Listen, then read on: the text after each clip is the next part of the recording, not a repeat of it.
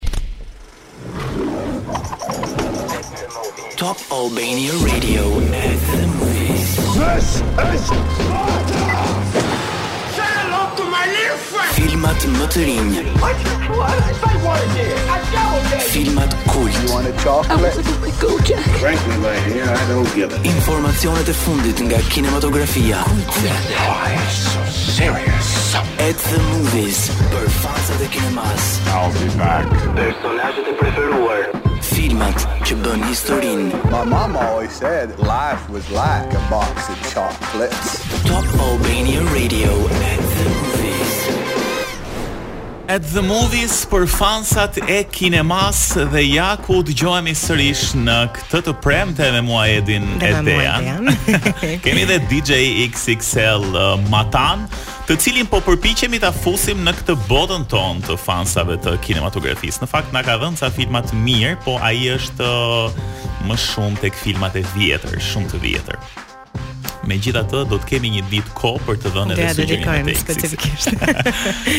Jemi në këtë të premte, duhet thënë um, pak uh, gripale do ta quaja. Tepër gripale. Tepër gripale. Unë jam në shpëtim e sipër. Uh, Ndërkohë Edea uh, e ka kaluar rrezikun dhe është mirë tani, ja. Je mirë. Për momentin themi edhe si është puna që kur je sëmurë shi dhe pastaj del dielli dhe çdo gjë fillon bëhet më mirë. Po po po po. Na ke sjellë diellin sot. A pa pa pa.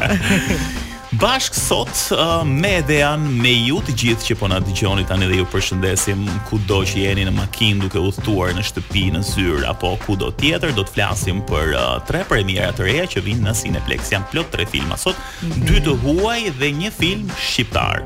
Na mungojnë filmat shqiptarë gjithmonë. Unë jam shumë excited, shumë e lumtur për këtë film. E pe trailerin e këtij filmi shqiptar dhe besoj që do shkojmë ta shikojmë në kinema. Se s'bën. Vera Andrron Detin quhet filmi më i ri shqiptar i cili ka mbërritur në Cineplex, krahas një filmi tjetër shumë të bukur, Ticket to Paradise, që sjell një çift të jashtëzakonshëm. Si Julia Roberts dhe George Clooney. Në fakt ne po kërkonim a i kemi parë dikur bashkë apo jo dhe doli që paskan luajtur edhe tek Ocean's 11 dhe Ocean's 12. Mm -hmm. Kështu që nuk është hera e parë përkrah njëri-tjetrit, po aty dukeshin shumë bukur apo jo. Por jo si një çift siç janë tek Ticket to Paradise. Mm, edhe ai ambienti sepse filmi ishte xhiruar më duket në, në Bali. Mm -hmm. Mos të zbulojmë më tepër se do flasim pas pak për këtë. Ndërkohë, do ta nisim programin me një këngë që unë dhe Edea jemi fiksuar sot dhe kemi një gjysmë ore që po e këndojmë. Tonight the music. Do ua këndoja, por nuk kam zë sot. Kështu që ta dëgjojmë. E lëmë George Michael ta bëjë këtë punë. Ju folëm pak më parë për Ticket to Paradise, filmi më i ri që do vijë në Cineplex, me një çift shumë simpatik, Julia Roberts edhe George Clooney. Kam një pyetje për ty Edi. Më thuaj. A arrijnë të të ndikojnë prindërit e tu në zgjidhjet dashurore, ah. relationships që ti bën? Në fakt, menjëherë më vjen një përgjigje që jo. Por, mm. po ta mendosh më thellë, mendoj që nuk shpëtojmë dot nga mendimi i tyre, mbase nuk është vendimtar, por ama që merret parasysh, besoj se po.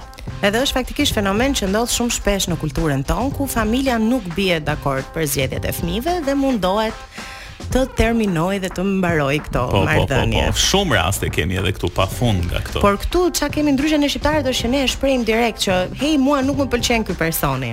Kurse amerikanët, që janë pak më ndryshe mm -hmm. dhe mhm. nuk duan të mërzisin fëmijët e tyre, le të themi, llastojnë pak më shumë se ç'jemi llastuar ne. Është vërtet.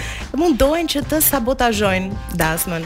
Ata e lënë që të shkojnë uh, deri Pikën e tek fundit. dasma, po kurse ne jo, ne s'shkojmë dot as deri te fejesa, Është vërtet. direkt ndërprerje. Kurse atje me sa duket e lënë në atë momentin kur uh, prifti po thotë a janë të gjithë dakord. thënë, "Unë refuzoj." Ka ndonjë kundër dhe sigurisht është një që del.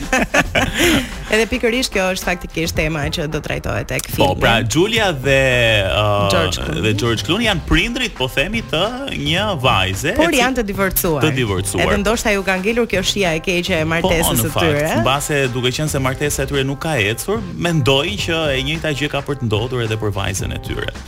Dhe a do ta prishin apo jo këtë martesë, mbase duhet ta shikoni deri në fund për ta kuptuar, po ka aventura të jashtëzakonshme nga traileri të paktën që mund të ta luajmë pak në këto momente në sfond, dukej që kishte shumë skena të bukura edhe me këtë Dua Lipën në sfond. Shumë shumë interesante dhe vendi ku xhirohej ishte interesant, ata janë në Bali, mm. edhe vajza faktikisht kishte rënë në dashuri në Bali. Me një balian. Me një balian. Edhe unë po pyesja veten, po mirë, kjo ka rënë në dashuri me këtë djalin apo me Balin? Se po të shkosh në Bali, mendoj që me këdo të jesh, sikur do të duket më i mirë, më pozitiv. Donte të ishte thjesht një nuse në Bali, nuk ka rëndësi se me kë. Pa, Baliani ishte thjesht prindrit ta realizojnë se mirë.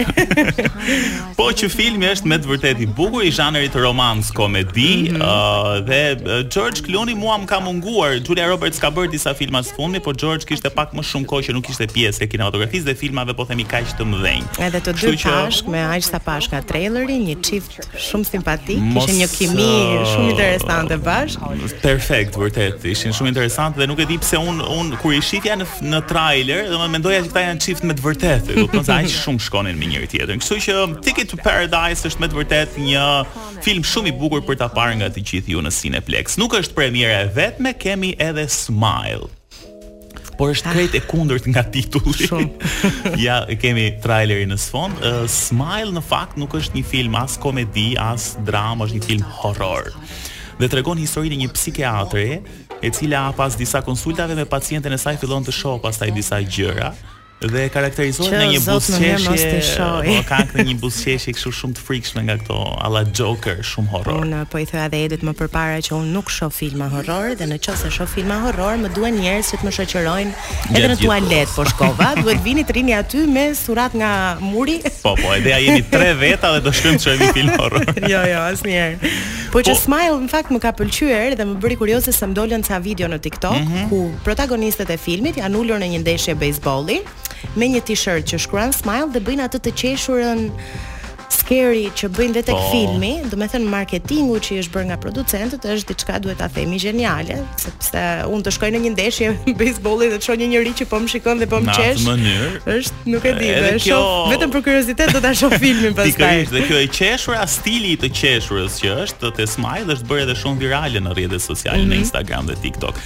Kështu që mbetet për tu parë nëse marketingu po themi e justifikon edhe prodhimin edhe filmin.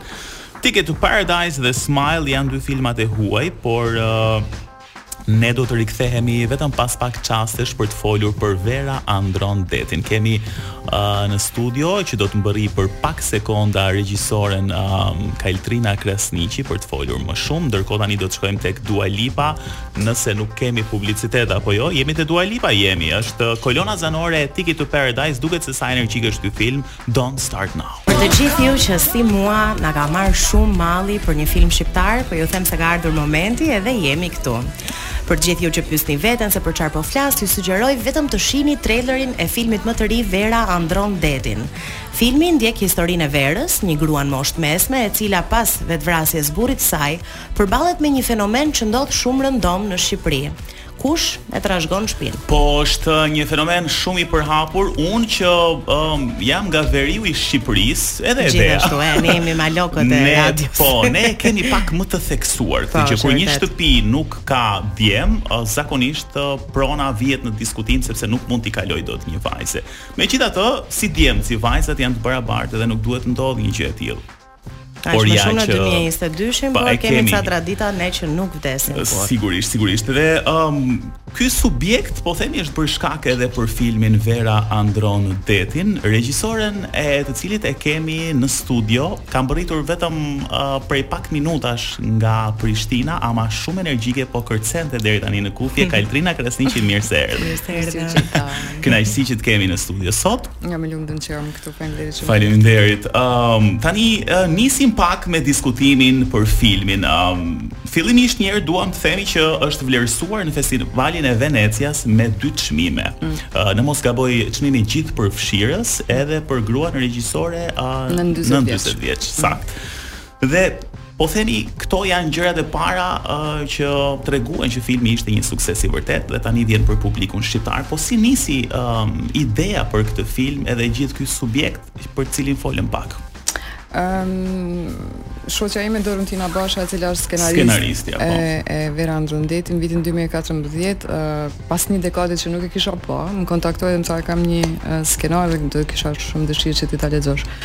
Um, unë momentin e parë kur e pashë titullin, uh, m'u duk shumë i bukur dhe shumë poetik, po uh, edhe um, pikloj për shkak se uh, unë jam maloke. më duket se duhet ta ndryshojmë temën sot.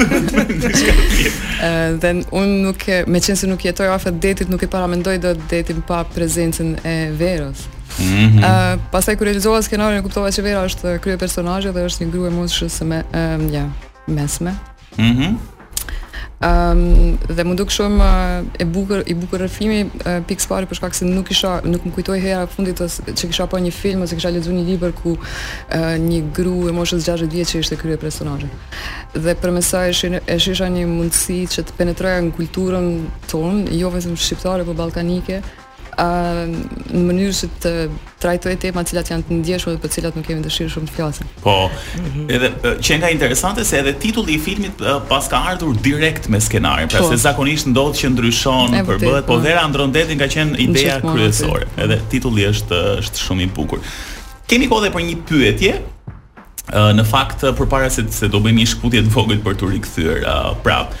Tani filmi është një bashkëprodhim, po themi mes uh, Kosovës, Shqipërisë dhe Maqedonisë së Veriut. Po hmm. xhirimet janë shpërndarë në po të njëjtat shtete, pra kanë uh, edhe në Kosovë dhe në Shqipëri dhe në Maqedoni apo. Um, filmi është xhiruar kryesisht në Prishtinë. Uh, mirëpo Meqenëse ne nuk kemi det, skenat e detit kemi xhiruar në Shqipëri dhe mm -hmm. uh, në fakt është xhiruar në dy lokacione. Uh, ndërsa ekipa tjetër kreative, një pjesë e ekipës tjetër kreative ka qenë prej Maqedonisë së Veriut. Okej. Okay. Do të flasim uh, pas pak, them të bëjmë një shkëputje tani. Uh, thjesht ishte një prezantim i vogël me Kaltrinën, por do të zbulojmë shumë më shumë për Vera Andrron Detin. Do flasim pak edhe për aktorët, po Edhe pse të rinjtë ose jo vetëm të rinjtë, por edhe mosha e mesme apo e tretë në Shqipëri duhet ta shikojë këtë film dhe çfarë na përcjell, kështu që shkëputemi për pak dhe rikthehemi. Po diskutoja pak me Kaltrinën, për ju që nuk na keni dëgjuar, Kaltrina është regjisorja e filmit Vera andrron detin. Edhe unë si një fanse e filmave, po që e dashuroj dhe atë pjesën vizuale, rregullin e të tretave, Çdo gjë jam, kështu i shikoj këto detajet, prandaj i rishikoj ndonjëherë filmat nga 70 herë, pasi i kam mësuar gjithë skriptin përmendesh, tani shoh vetëm kush e vuri atë vazon atje te e majta edhe po diskutoja pasi pash trailerin, më pëlqeu shumë ngjyrat, skenat, shotet është shumë reale, për Shqipërinë, mm. gjëja që mua më duk tamam origjinale edhe inovative, sepse nuk me sa kuptova unë, ndoshta jam shumë gabim, nuk je munduar të ndjekësh stilin e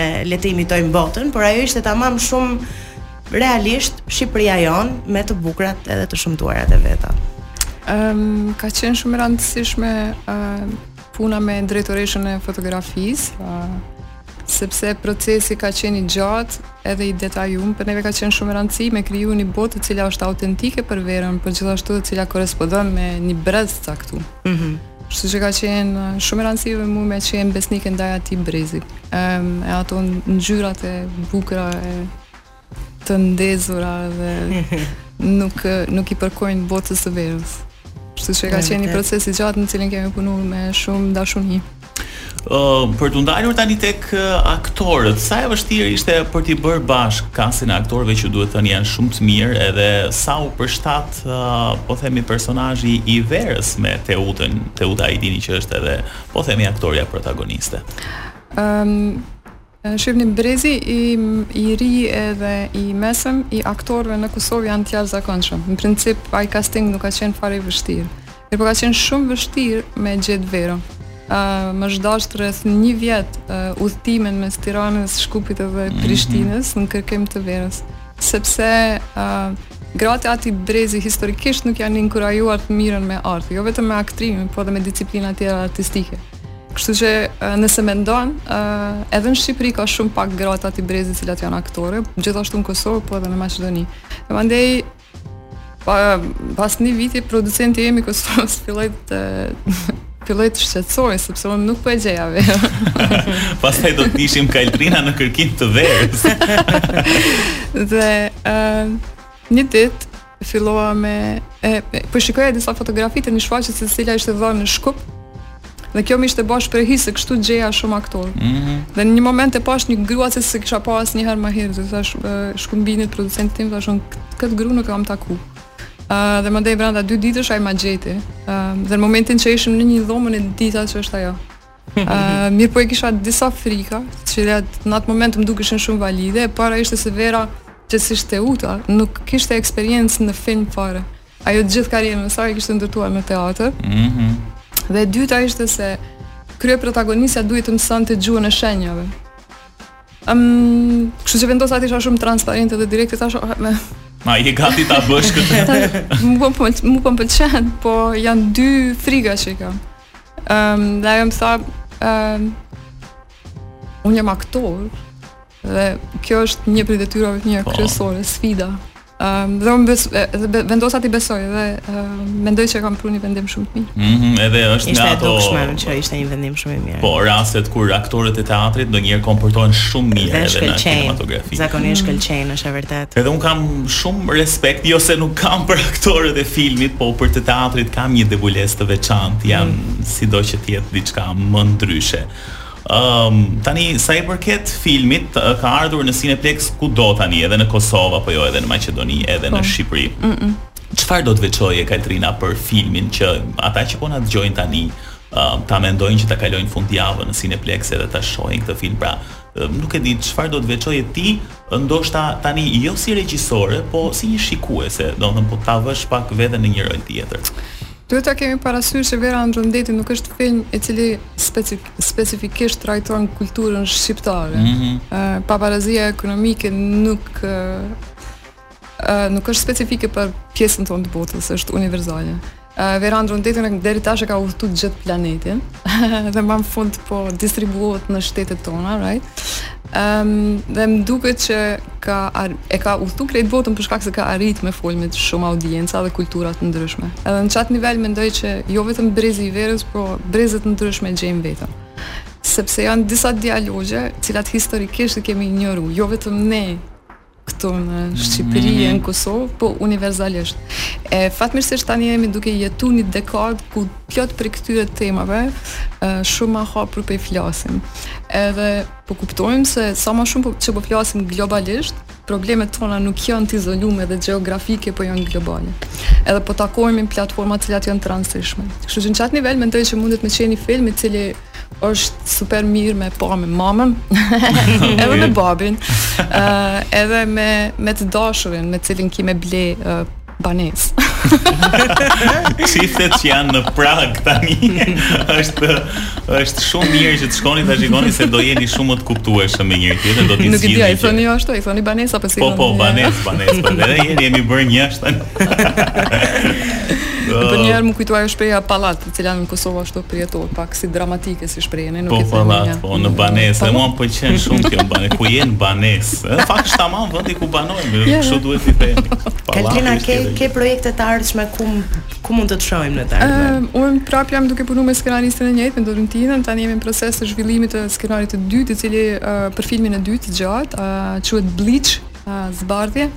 Mm -hmm. uh, projektin jemi duke zhvillu në Torino Script Lab, që është një nga uh, laboratorët më të rëndësishme të zhvillimit të filmave në Evropë. Uh, tani jemi në fazën e fundit dhe mendoj që diku deri në sh uh, shkurt apo mars të vitit 2023 do të kemi një version shumë solid të skenarit dhe pastaj mendoj që në vitin e ardhshëm do të fillojmë financimin e filmit.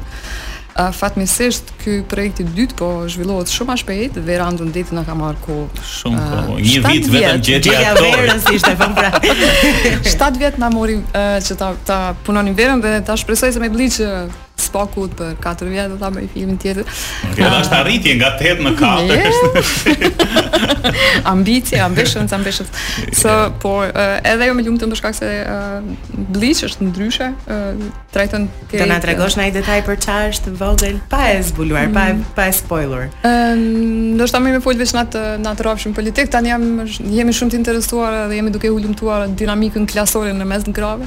Ëm, mm -hmm. um, dhe po më duket shumë interesant me me me shqyrtu për së afërmi për shkak se gratë flasin për shtypjet të cilat ju ndodhin prej shoqërive, prej patriarkatit, por shumë pak flasin për raportet mes njëra tjetrës.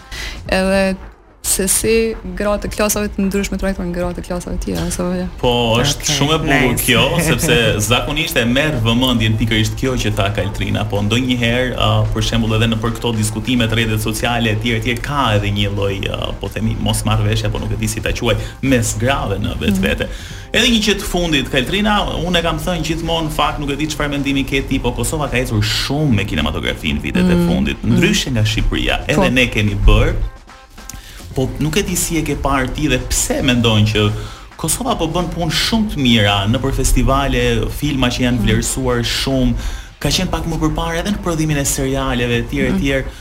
Uh, mua më pëlqen shumë Kosova çfarë po bën në kinematografi vitet e fundit. Ne kemi pas një dekadë shumë të pasur me filma. A edhe kjo skenë në princip është dominuar prej krijuesve gra. A përshtypja ime është se Gratë në Kosovë kanë arri në një moment ku thjesht nuk ndien se kanë çfarë të humbin nëse flasin uh, drejt edhe hapun. Po. Ëh, edhe kjo kjo tregimtari mandej e ka e ka e ka tërheq vëmendjen ndërkombëtare dhe ka një vizibilitet uh, të jashtëzakonshëm. Ëh, uh, mirëpo tash kanë fillu dhe gjenerata të tjera prej krejt grupeve të tjera, edhe për shembull edhe në queer communities, e, a, a, a grupe tjera të margjinalizume si njerëzit me ngjyrë etj, kanë fillu me me ardh në skenën tonë, mm -hmm. filmike me rrëfimet e tyre. Për shkak se po më duket se ekziston një ambient shumë më i hapur i të rrëfyerit. Ehm, um, mendoj se edhe Shqipëria gradualisht po na afrohet, edhe ajo edhe gjithmonë bëhet qejfi, për shkak se sa herë punojmë bashkë, Dalin dhe gjana shumë të bukura. Po, e ndoshta duhet të punojmë pak më shpesh bashkë, me thënë të drejtën, pak më shumë, edhe të bëjmë prodhime që shkojnë për shtat të dyja vendeve, sepse kjo na ndihmon. Edhe që sjellin ndryshim social, po, se kjo është besoj kryesorja me çfarë. Është edhe një promovim shumë i mirë për Kosovën, po edhe të njësohen pak, pra që banesë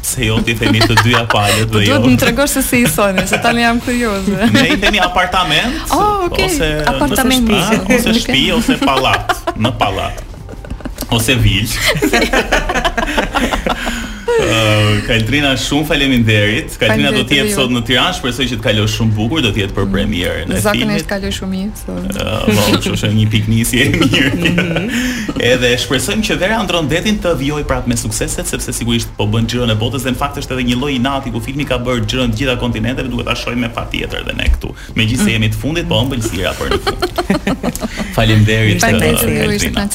Okej, shkëputemi pak dhe rikthehemi për të u përshëndetur me ju sepse pak nga pak po shkojmë drejt fundit.